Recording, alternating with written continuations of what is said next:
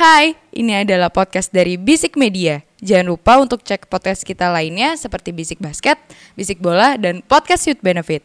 Oh iya, jangan lupa juga follow Instagram kita di @bisikmedia.id. Oke, selamat mendengarkan.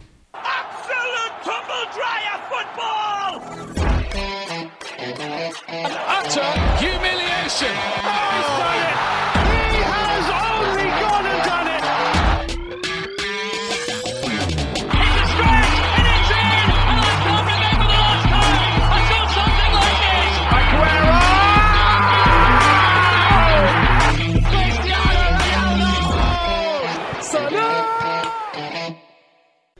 Bisik bola.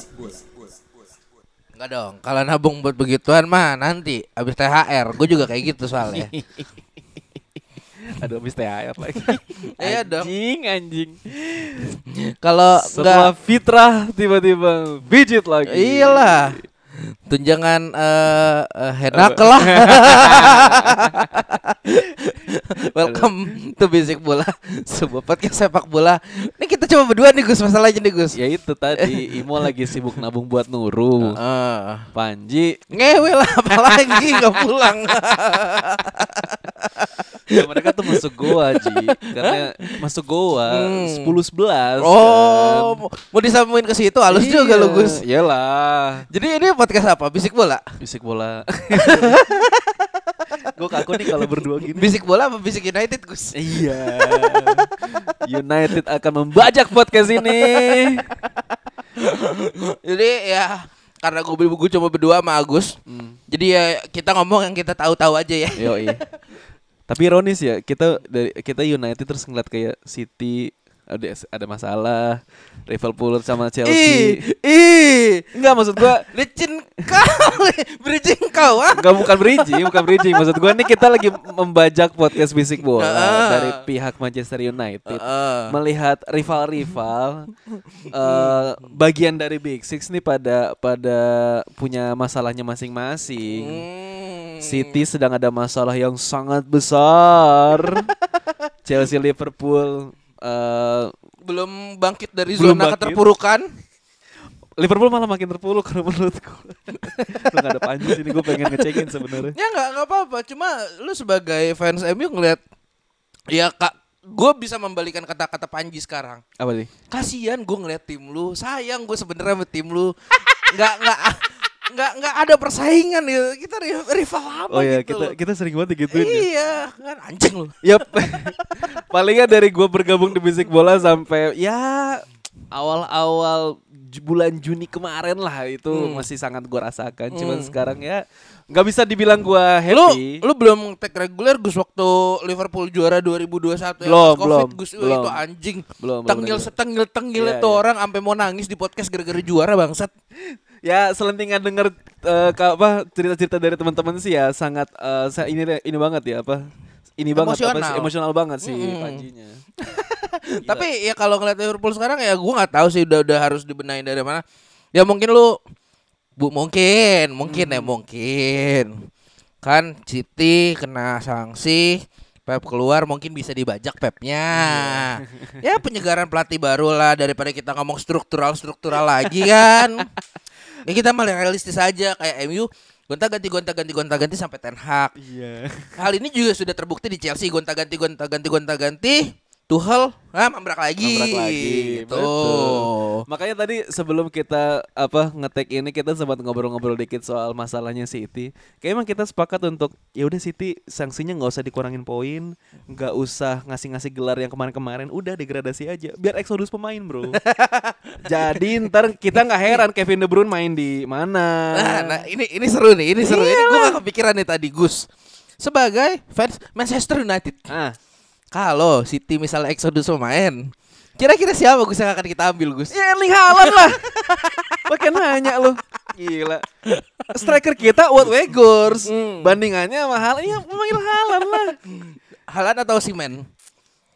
Ya kalau kondisinya eh, City Exodus main ya Haaland lah anjing. Masih muda, Bro. Osimhen tuh berapa ya? Gue lupa.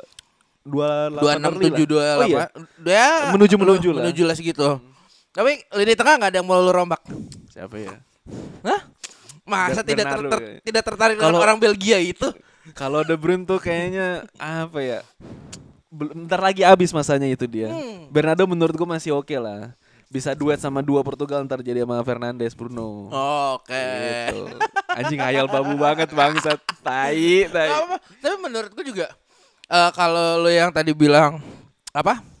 City mendingan degradasi, gue gue gue setuju. Iyalah. Karena kalau eh, apa namanya eh pencopotan gelar titel bisa dicari dengan uang betul, kembali. Betul, betul. Pengurangan poin Iya kali 15 nggak bisa dikejar sampai akhir musim Iya, misalnya setu- kalau kayak. Juventus ya. Bener-bener. Setuju gue. Tadi tadi lu bilang apa namanya kalau misalkan gelarnya di, di ibaratnya dikasih ke yang lain-lain ya. MU sama Liverpool kebagian jatah lah kalau dilihat dari Cuma data. MU sama Liverpool doang Iya, dapat Gus. MU sama Liverpool doang M-. MU 3 Liverpool 3. Liverpool 3. Mm-mm. Dan tapi ya udah menurut gue jadinya nggak ada efek jerahnya ya tahun depan mereka masih bisa menghamburkan uang dan bisa juara lagi kalau menurut gue Iya, gitu loh. betul. Cuman kan kalau degradasi efek jerahnya ya kita bisa ngeliat Juventus waktu zaman Calciopoli lah gitu loh. eh bounce back-nya itu berarti dua, itu 2006 ya? Kejadian iya 2006. 2006 Juventus baru menang Serie A lagi 2011. Ya, ya betul. 11 waktu lima 12 tahun. gue lupa ya, correct me if I'm wrong, gue lupa kalau Serie A. Gue waktu itu merhatiinnya Milan soalnya. Oh iya. Saya masih fans Milan Masih dulu. fans Milan Anda. ya. Nesta dan Maldini, oh itu jagoan saya cuy. Tiga- juara eh, dunia sorry, kan. Empat, tiga sama lima nomornya. Yo, iya benar. Maldini tiga. Nesta lima. Nesta lima. Cuman ya itu apa maksud gua pasti kayaknya juga menurut gua pemain-pemain City juga kalaupun misalkan kejadian degradasi juga ya pasti akan goyang untuk bisa cabut lah walaupun gajinya di sana gede cuman kan ya pasti faktor utama yang pengen mereka tetap berkarir kan ya main di Champions League atau juara Eh liga. tapi menurut gua kalaupun gua nggak tahu ya peraturannya gimana tapi bukannya kalau lu degradasi tapi di Champions League lu, lu tetap ada jatah misalnya let's say City menang nih tahun ini Champions League. ya ya itu masih bisa. itu masih, main bisa, kan. masih itu main. kayak waktu siapa ya? Ada yang pindah ke divisi 2 tapi dia main di Eropa. Wigan Wigan Wigan Wigan, ya? Athletic Wigan itu ngalahin itu, City waktu itu. Ngalahin City. Ngalahin City. Hmm. Oke, itu itu itu jadi mungkin bisa jadi salah satu hal yang menarik kalau Ya. kalau kejadian ya.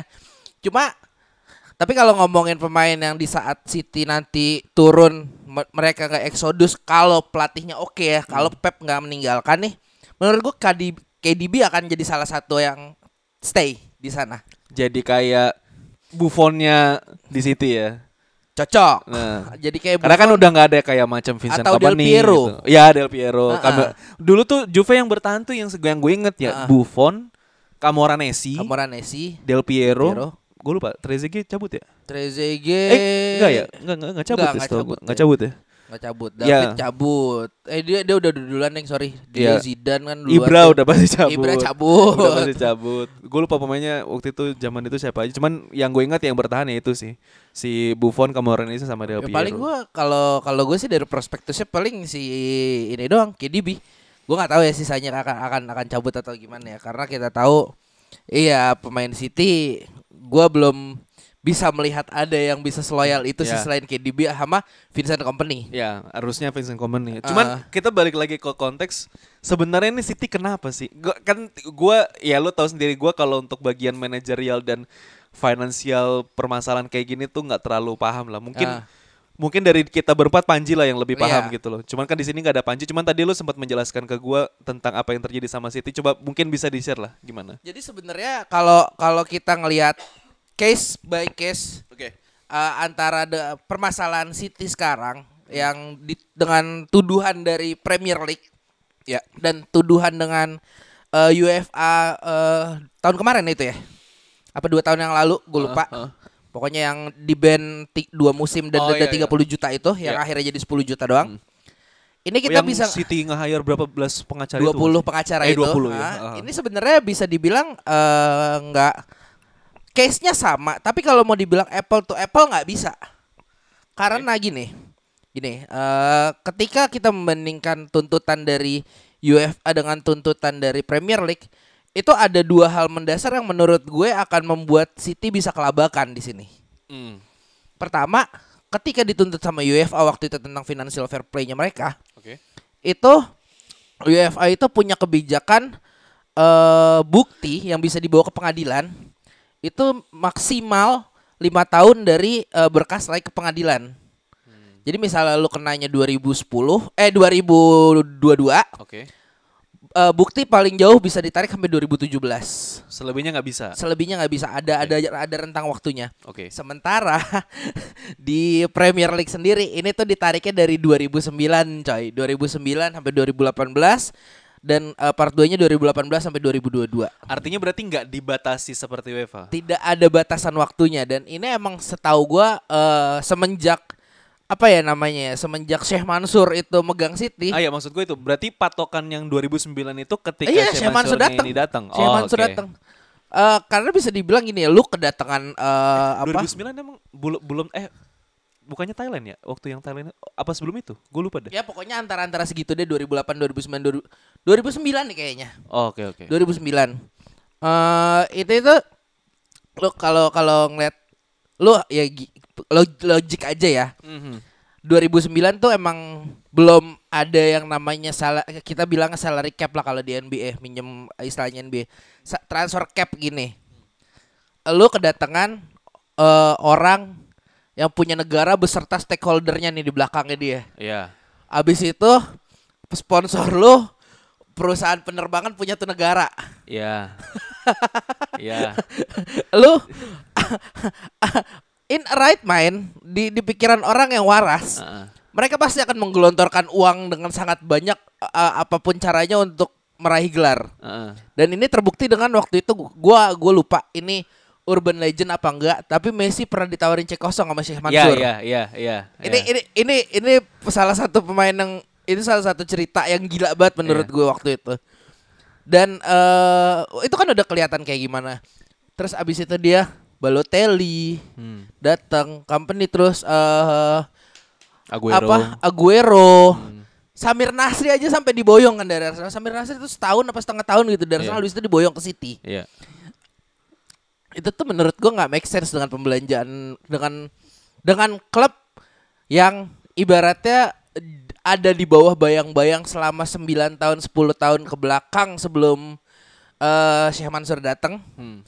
Terus tiba-tiba dia punya daya daya tarik untuk pemain-pemain yang bisa dibilang oke lah cukup oke kalibernya.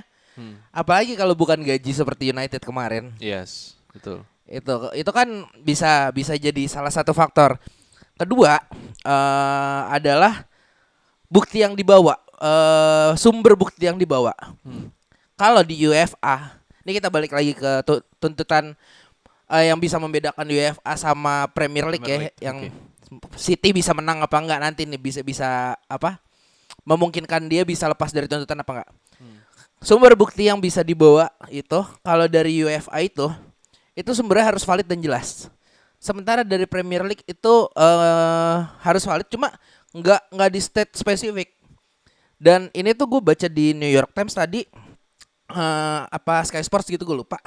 Salah satu bukti yang akan dibawa adalah eh gue lupa dua tahun atau setahun lalu itu tuh City pernah kehack Hmm. sama hacker Portugal di mana dia eh, ngeluarin eh, apa ya email ngelik email. Yang isinya tuh ya gua nggak tahu mungkin perjanjian bawah tangannya atau bawah mejanya dan eh, gimana skema pembelian dan kawan-kawannya itu. Hmm. itu itu yang bisa jadi salah satu bukti memberatkan. Kan kalau leak itu kan lo valid validitasnya masih bisa ngambang kan? Hmm. tapi itu bisa dibawa sebagai bukti ketika tuntutan dari Premier League bukan dari UEFA. Gitu loh itu itu yang yang menurut gua akan berbahaya untuk City tuntutan yang dilayangkan oleh Premier League ini lebih berbahaya daripada UEFA cuy Tapi dalam hal ini sebenarnya UE- UEFA bisa ikut campur nggak sih dalam permasalahan ini? atau emang ini permasalahan di internal liganya itu sendiri? Gua rasa ini adalah permasalahan internal liga karena karena sebelum City nanti hearing session ini tuh pihak Premier League tuh udah ngebahas dengan 19 pemilik klub lainnya dulu. Oke. Baru nanti eh, City ada kesempatan untuk membela diri yang semuanya tertutup. Jadi lo nggak akan tahu nih kabar beritanya gimana kecuali Premier League ngerilis ya. Dan apa eh, ini tuh eh, makanya lebih lebih lebih apa lebih berbahaya buat City karena ya ini internal mungkin setahu gua gua nggak tahu kalau eh, apa peraturannya gimana. Tapi menurut gue ini inter, eh, UEFA udah nggak akan bisa intervensi ke sini cuy. Karena udah udah komite liga sih hitungannya. Oke oke. Kecuali yang turun tangan adalah FA. Hmm. Kan so- correct me if I'm wrong, Premier League itu di bawahnya FA, FA di bawahnya eh, UEFA. UEFA. UEFA itu hitungannya kontinen, jadi nggak ada direct langsung ke sepak bola negaranya. Oh, Oke. Paling ya kalau mau kayak gitu dia akan nyuruh FA-nya yang turun tangan atau nyuratin FA. Ya wa- walaupun kita tahu sendiri ya, FA aja lebih tinggi dari UEFA ya. Iya iya lebih tua. Le- lebih kuat ini ya kedudukannya daripada UEFA. Cuma ya menarik sih bi- bisa dilihat seperti apa nanti. Cuma ya kayaknya sih ini eh, bego-begoan gua aja ya. Mhm. Ini tuh bisa jadi salah satu skema yang dipakai buat Premier League nahan apa atau, atau ngasih tembakan peringatan buat eh, transfer pemain yang gila-gilaan. Iya. Terutama ya yang dilakuin Chelsea di bursa transfer kemarin. Cocok. Sama Seben- mungkin ya tadi yang tadi sempat lu bilang juga sebelum ngetek ini juga untuk eh, wanti-wanti juga buat Newcastle nih. Dia kan jadi OKB nih di Premier League gitu. Dan eh, apa namanya? Kurang lebih sebenarnya Newcastle ini mirip-mirip mengikuti apa yang dilakuin tren Manchester City pada saat awal-awal dipegang Syekh Mansur gitu. Yang dibeli juga pemain-pemainnya nggak langsung bintang gitu loh. Pemain-pemain hmm? Sorry ya Gus ya. Sorry gue potong dikit. Dulu waktu Syekh Mansur datang langsung Mancini ya. Kalau nggak salah, kalau nggak salah iya. Ranieri itu masih Thailand kok. Eh, Mark Hughes masih Thailand. Eh, sorry, si Ayo. Mancini. Mancini. Gua gua lupa deh. Dia juara sama Mancini kan waktu itu. Mancini juara. Ya kayaknya udah udah 2011 udah kan? Mansur ya. Udah Mansur. Ah, Udah Mansur berarti. silakan, sorry. Gue gua cuma refreshing ingatan Iya. gue doang. Ya itu dia maksud gua eh sebenarnya Newcastle ini me- m- apa ya menye- bukan bisa dibilang menyadari sih hampir-hampir mirip lah metode cara untuk bisa eh, nge-rebuild dari eh, Newcastle ini gitu karena yang dibeli pun juga pemain-pemain yang mungkin nggak bisa dibilang bagus atau pemain bintang tapi seenggaknya punya prospek cerah gitu loh Tapi menurut gua ada satu yang ja- bisa jadi tanda-tanda Newcastle, Gus. Hmm. Kieran Trippier itu nggak harusnya nggak main di Newcastle, Gus. Kalibernya, Gus. ya Mainnya di di di Big Six, Gus. Iya, cuman kan sebelumnya di Atletico Madrid ya. Tapi karena dia dari Atletico Madrid, menurut gue tuh dia nggak cocok, Ji. Ya kecuali eh, Newcastle bisa ngasih gaji ya. Apanya nih? eh, untuk maksudnya nggak cocok dalam artian gimana nih? nggak make sense buat seorang Kieran Trippier menerima Newcastle di atas itu menurut gue. Artinya dia tergiur dengan gaji atau iya, gimana? Oh. menurut gue sih gitu dan Bisa tergiur jadi, dengan gaji jadi. dan untungnya bisa dimanfaatkan dengan baik di Newcastle. Sama Yes. siapa pelatihnya? Eh, Eddie Howe. Eddie Howe sama Eddie Howe dan ya nyetel Hmm. gitu loh untungnya ya. Hmm. Itu sih menurut gue buat si Newcastle ya. Tapi eh, ini kan sorry kalau nggak salah 50 tuduhan ya total. 90. Eh sorry 90 bahkan. 90. 90 tuduhan. Lo mau gue bacain tuduhannya apa aja? Nggak, eh, poin pentingnya aja maksudnya anjing gila 90 lu mau bacain bisa berapa jam anjing. Jadi intinya gini nih. Eh Karena kan gue juga nggak terlalu paham nih Ah. sebenarnya Siti ini ngelakuin apa selama kesalahan Jadi dari tuduhannya ini. inti dari tuduhannya aja ini ini Oke. gue mau ngutip dari yang eh, New York Times sama Sky Sports tadi. Oke. Pertama adalah City tidak bisa memberikan eh, sorry memberikan bukti eh finansial auditnya. Hmm. Bukti finansial auditnya kena eh, selama eh, beberapa tahun itu dia nggak bisa di state di sini eh, true and fair view of of the club financial position. Jadi eh, hasil auditnya itu diragukan. Oke. Nggak nggak nggak jelas either itu udah dimanipulasi atau emang ada hal yang disembunyikan dari eh, laporan keuangan itu. Hmm. Terus kedua itu dia juga nggak eh, nggak menginformasikan kontrak atau pembayaran kepada manajer atau player secara transparan. Jadi ya yang itu yang gue bilang tadi ada deal-dealan di bawah mejanya Oke. yang eh, bisa jadi itu kan ibaratnya eh, deal-dealan ver- bisa kalau deal-dealan verbal ya. Hmm. Itu kan bi- tidak tercatat atau tidak terdokumentasikan secara hukum.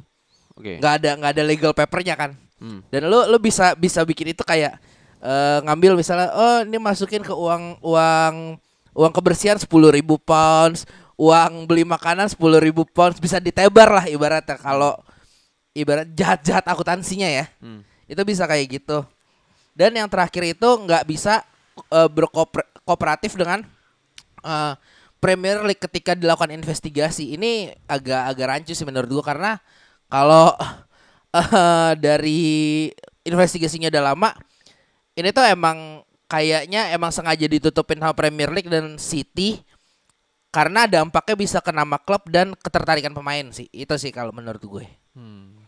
Terus eh, City-nya sih juga ngerespon sih kemarin. Eh tadi Ngeluarin statement ya? ngeluarin statement. Si City itu eh, ngeluarin statementnya bentar bentar bentar bentar. Mana ya? Oke, eh, ngeluarin statementnya itu mana ya? Ntar dulu, ntar dulu, ntar dulu. Tadi udah gua iniin. Mana mana mana mana. Nah, nih Manchester City dibilang terkejut dengan tuduhan yang dilayangkan oleh Premier League. Apalagi dia udah menganggap bahwa kita tuh udah udah engage lama dan eh, City tuh udah memberikan berbagai detail material kepada eh, apa Premier League sesuai yang diminta. Tapi kan di sini detail material itu apa kita nggak tahu kan ya atau isinya gimana sesuaikah dengan eh apa regulasi sesuai dengan yang diminta atau so on and so on. Terus juga eh apa City juga bilang eh, club welcomes the review this matter by independent commission. Ya mau direview sama orang independen. Eh yang bisa mengurangi eh, tingkat apa ya eh, kerancuan atau ketidakpercayaannya nih. Jadi lebih komprehensif nih buat eh, support tuduhan atau posisi di klub. Iya sebenarnya gue nggak bisa bilang ini statement yang yakin bahwa mereka terbukti benar atau Iya. Premier League eh, benar karena ya lagi ini kan PR eh, yang kata-katanya juga ya ibaratnya gue gua kerjaan gue beginilah se- sedikit banyak Iya, iya. bohong-bohongin orang di media ya jadi ini eh, kita nggak tahu kecuali eh, nanti hasil apa eh, tuduhannya terbukti apa enggak sih itu aja sih kalau gue dari ini Iya. Dan eh, gua saking tertariknya sama kasus ini ya, eh, gue buka-buka Twitter, eh, ini ada yang ngebahas dari podcast Retropus, shoutout buat eh, podcast Retropus. Ternyata dia ngebikin eh, thread bagaimana memahami apa yang terjadi sama City dengan analogi yang eh, lebih mudah untuk dipahami sama orang awam. Bahwa kalau misalkan City ini sebenarnya eh ternyata tuh gue juga sebenarnya juga baru tahu ya balik lagi gue nggak terlalu ngerti manajerial ya ternyata emang ini eh, bukan bukan bukan lu doang gua gue juga nggak mengerti Iya. kita dipaksa mengerti kita dipaksa kasus mengerti ini, untuk untuk anjing. dipaksa mengerti kasus ini. masalahnya ini senin kemarin rame banget Banget, banget rame banget. Itu kayaknya dalam sehari apa yang update berita ini lumayan banyak lumayan lumayan banyak sih yang portal berita eh, khusus bola gitu. Heeh. Dan eh, kata Retopus ini eh, yang menarik adalah sebenarnya gue juga baru tahu sih bahwa ternyata eh seorang owner tuh nggak boleh nyuntik langsung eh Dana- dananya dana pribadi. dana pribadi ke kas klub gitu loh. Iya. Dan ternyata mereka Mansur ini ya gue nggak tahu sih ini tuduhannya adalah mereka eh, dia ngebuat sponsor palsu sponsorship palsu atau nilai sponsorshipnya itu digedein, digedein. Tapi di situ duitnya dia. Iya, ya licik sih emang kalau kalau dilihat dari dari dari strukturalnya emang licik. Tapi ya gue makanya belum belum belum terlalu paham sih bagaimana cara kerjanya si Mansur ini dengan background punya segalanya dari segi keuangan bisa ngebuat City ini yang pelan-pelan dari yang tim antah berantah bisa jadi tim sebesar ini ya masuk logika juga kalau misalkan dia masukin uangnya di sponsor-sponsor palsu atau nilai sponsornya yang digedein iya gitu. sama kayak F1 aja Gus kan banyak sponsor palsunya kan Iya sih. iya benar. btw mobil Alfa Romeo bagus anjing Bagus bangsat. merah hitam gitu Masih masih livery awal. Iya, iya, Red iya. Bull ma- persis anjing plek-plekan sama ya musim- mau diapain lagi lalu. anjing liverinya Iya sih.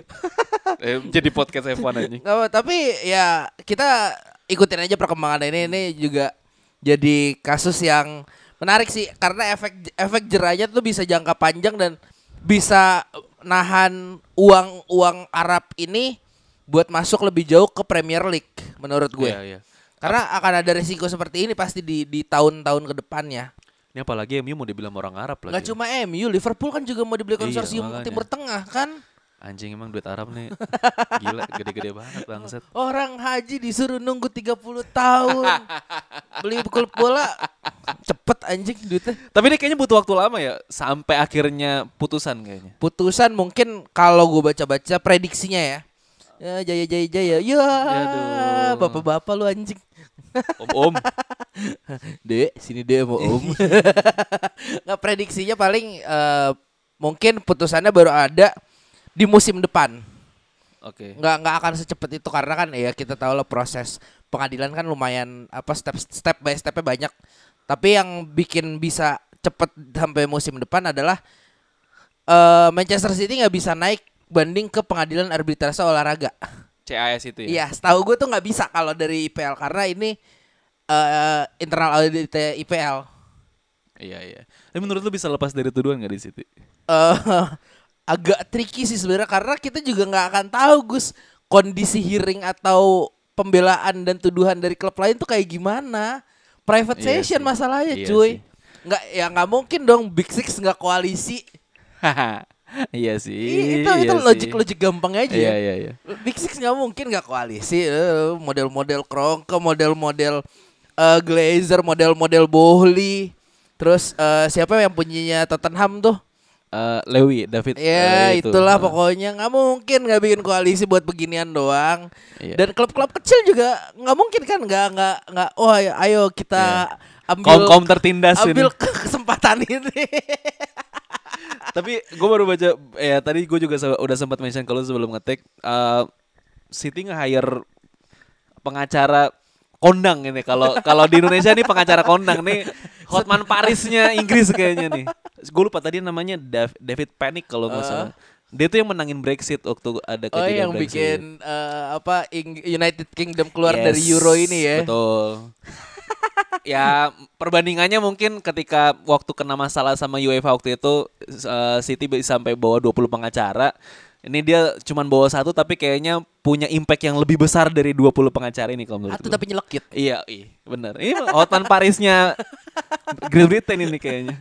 Tapi ya udahlah, udah mungkin eh, sampai di situ aja dulu untuk perkembangan Manchester City dan kasusnya. Ya, all the best deh buat City. Mari kita berhayal lagi, Gus. Apa nih? Sepertinya enak Gus berhayal Gus. Gus paling deket ya nih ya kita mah kalau eh, Premier League mah ya dapat syukur. Oh, apa nih MU nih? Nggak nggak dapat eh, tapi eh, MU lagi lah. Anjing, lagi. kita bahas apa lagi Oke, Gus? oke. Tapi gue tahun ini gue berharapnya ini aja sih treble minor aja sih Gus. Yuis. Treble minor cuy. FA, Carabao, sama Europa aja Gus. EFL. Heeh. Ya EFL lawan Castle ya bisa lah. Bisa. Bisa bisa. FA juga masih FA itu hidup. ketemu siapa ya? Gue lupa deh anjing. FA Ya masih ya, tapi gue masih bisa berharap lah Gus. Iya iya. Paling enggak at least dua treble minor lah untuk musim ini. Iya. Europa League sulit bro, langsung ketemunya Barcelona. Lu lu maunya ini double double minor bukan treble minor. Gue sih Mau. treble minor sih nggak apa-apa Cuman gue mah realistis aja lawannya Barca lagi lumayan gila sebenarnya Ya, di elah Gus Barca doang Liga. Gus dikantongin Gus sama Casemiro. Iya. Bisa Oh iya. main. Oh coy, iya, di- di Casemiro Eropa. ya, ini. Lo lo lo bayangin ya Casemiro, Sabitzer Waduh. sama Bruno Fernandes tengahnya. Waduh, waduh. Ih. Eh tadi lu sempat ngomongin soal Sabitzer, katanya lu ada apa? Oh, teknis punya anjing susah bangsat ngejelasinnya. Tapi gak apa-apa, gak apa-apa, coba, coba. Gua gua mau mencoba menjadi eh, terlihat pintar kan gue moderator doang nih biasa ya kan. Iya.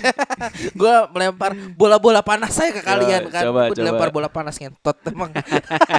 ini ini cocokan juga ya karena kan yang spiltak lu nih ya. Mhm. Jadi gue baca gue nonton dari Tivo Football atau apa gitu gue lupa di YouTube.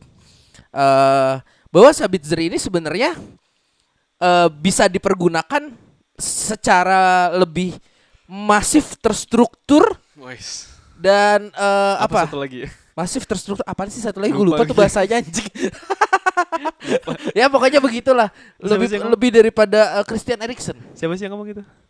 nggak tahu politis politisi Indonesia pokoknya ah entahlah saya Saya mau mencoba menjebak Anda cuman ternyata ternyata Anda sulit untuk dijebak. moncong putih. Nggak nggak bukan bukan. Itu itu eh, oposisinya waktu itu ngomong. Eh ini eh, Sabitzer itu Karena kita tahu Sabitzer di Leipzig tuh dari AM sampai eh, attacking midfielder ya bukan anggur merah. Ya. Sampai ke central midfielder dia bisa Apa main anti mage?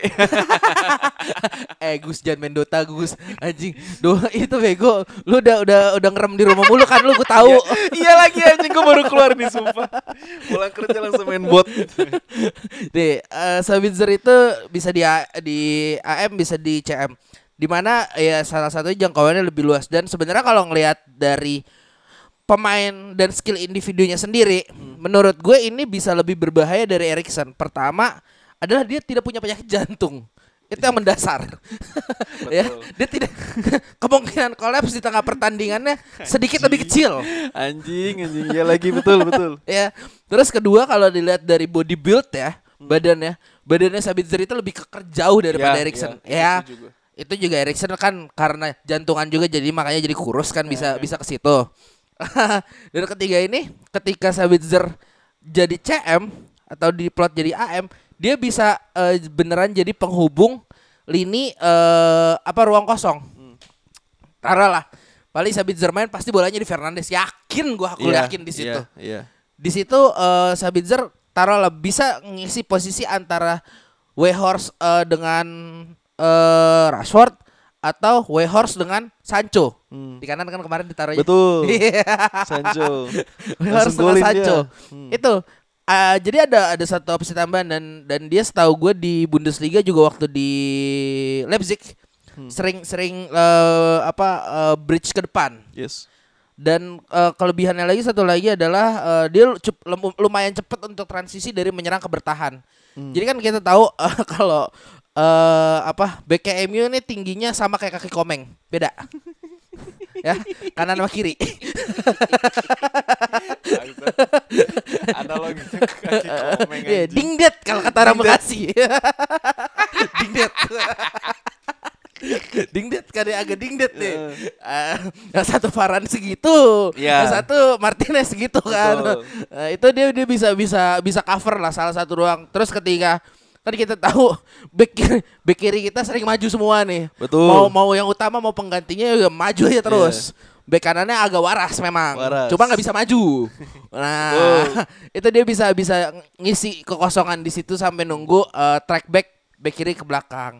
Itu sih menurut gue yang bisa jadi nilai lebih Weghorst ketika dipasang Sabitzer. di eh eh sorry, Sabitzer di lini tengah.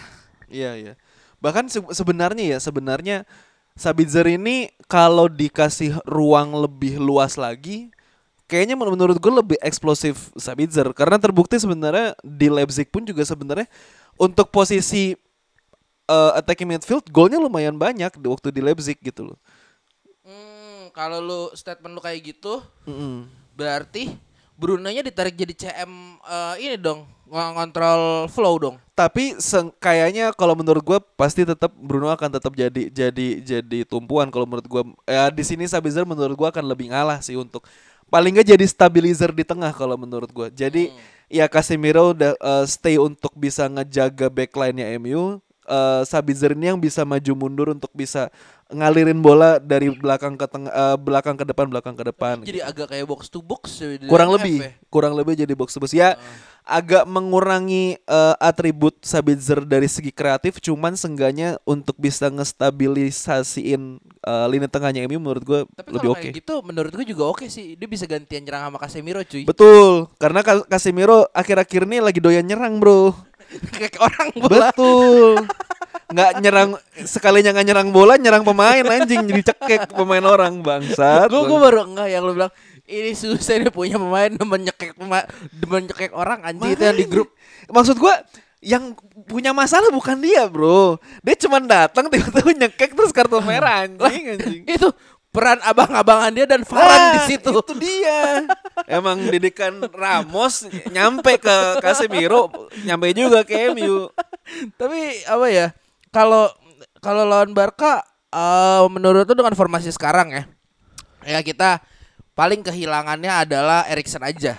Ya, lumayan lama kayaknya itu cederanya ya. Iya, ke- ya kayaknya sampai akhir musim sih Gus. Kemungkinan ya. Eh, kemungkinannya bisa. Eh lu takut nggak head to head lini tengah nih antara MU dengan Barca yang sekarang? Kalau lini teng Sorry oh, sorry bentar, Hmm. tambahin dikit. Karena kita tahu nih Barca kan udah udah mulai rapi nih rebuild di lini tengahnya nih. Hmm. Yang bisa jadi kuncinya mereka biasanya kan di lini tengah nih sebelum ngasih ke depan. Hmm. Kalau menurut gue kayaknya untuk lini tengah eh Casemiro tahan dulu deh emosinya kalau menurut gue. Jadi agak main aman dikit. Ya sekali-kali bandel-bandel dikit nggak apa-apa. Karena menurut gue kalau tengah masih cukup oke lah. Gue justru lebih ngeri Barca tuh dari segi sayap karena sayap eh, terutama back kiri kanannya MU ini eh, sering overlap takutnya nggak bisa track back ke belakang untuk bisa oh, gue lupa kanan eh, Dembel berarti kiri antara Ansu Fati sama siapa? Rafinya gue lupa lah kalau kalau Barca sekarang starting line up-nya kayak gimana gitu. Cuman lumayan mengerikan sebenarnya untuk kiri kanannya. Eh, terutama lagi ya otomatis of course eh, Lewandowski itu sendiri gitu. Ah, iya anjing gue masih lupa ada Lewandowski bro. Itu dia. Cuman ya menurut gua dengan adanya Varane sama Casemiro yang eh, sebelumnya lu udah lebih sering lawan Barcelona di La Liga Tapi kan sebelumnya ini sekarang lawannya Barca bocah buat mereka.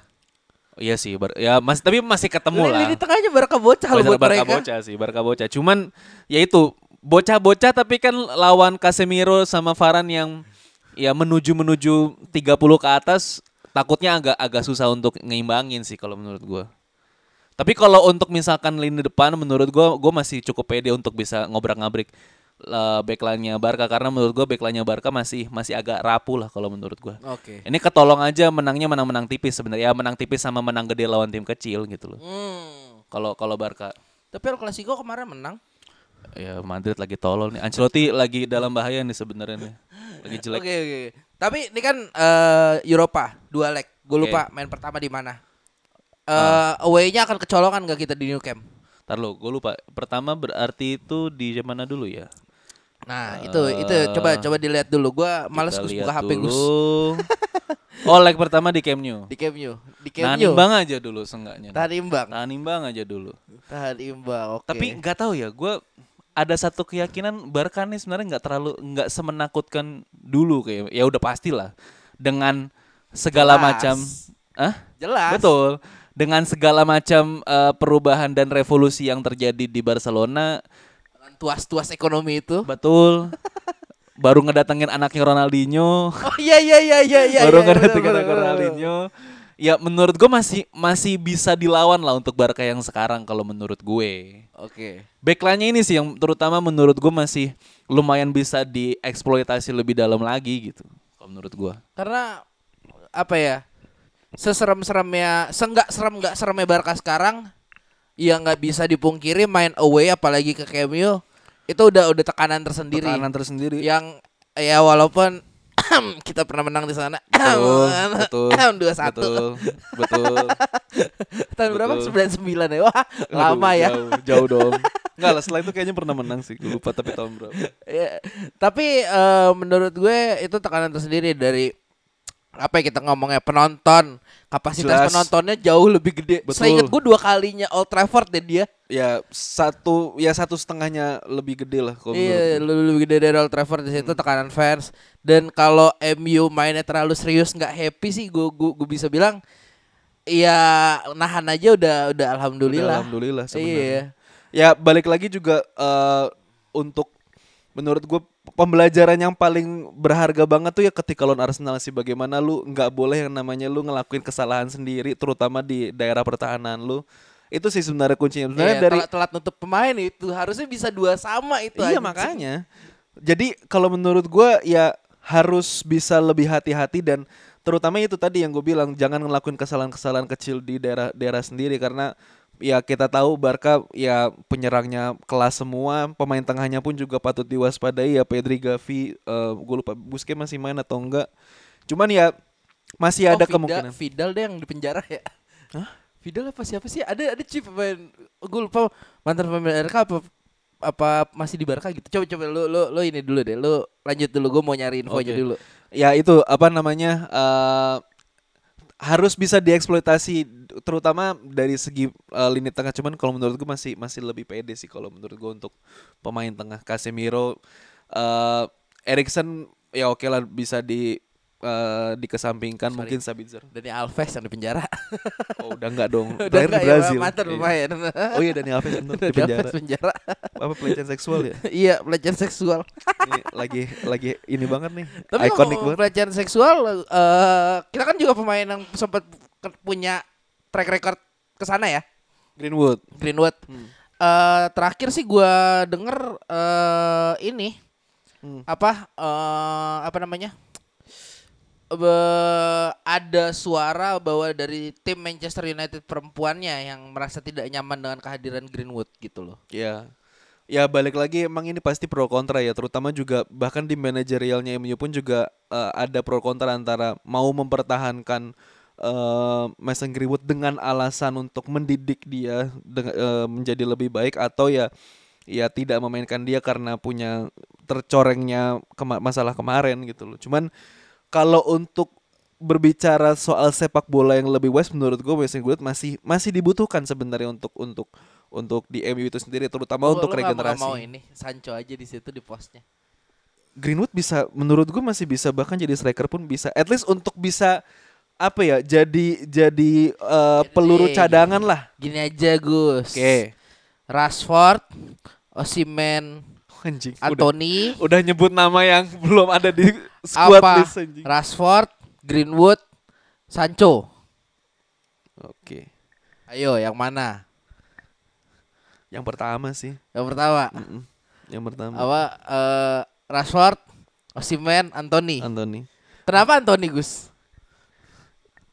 Ya Ayo. terlepas dari dia akhir-akhir ini banyak gaya, gua sih gua sih paham sih maksud Ten Hag kenapa waktu itu dia beli Anthony dan sampai sekarang masih memainkan Anthony karena emang dia butuh eh, penyerang kanan yang berkaki kiri. Jadi menurut gua ada kestabilitas antara eh, kiri dan kanan MU untuk bisa eh, menusuk ke dalam gitu loh. Kalau menurut gua karena kan kalau kayak Sancho atau Greenwood kan dominan di kaki kanan. Jadi menurut gua agak-agak Eh, mungkin masih bisa dipasang, cuman ya kenapa Ten Hag memprioritaskan Anthony eh, karena hal tersebut sih gitu. Jadi masih masih ada kemungkinan untuk Anthony bisa eh, jadi starter gitu. Ya tinggal eh, dilatih aja lah itu untuk dari segi finishing, untuk dari segi emosi, untuk dari segi mental menurut gua harus diasah lebih baik lagi lah Anthony.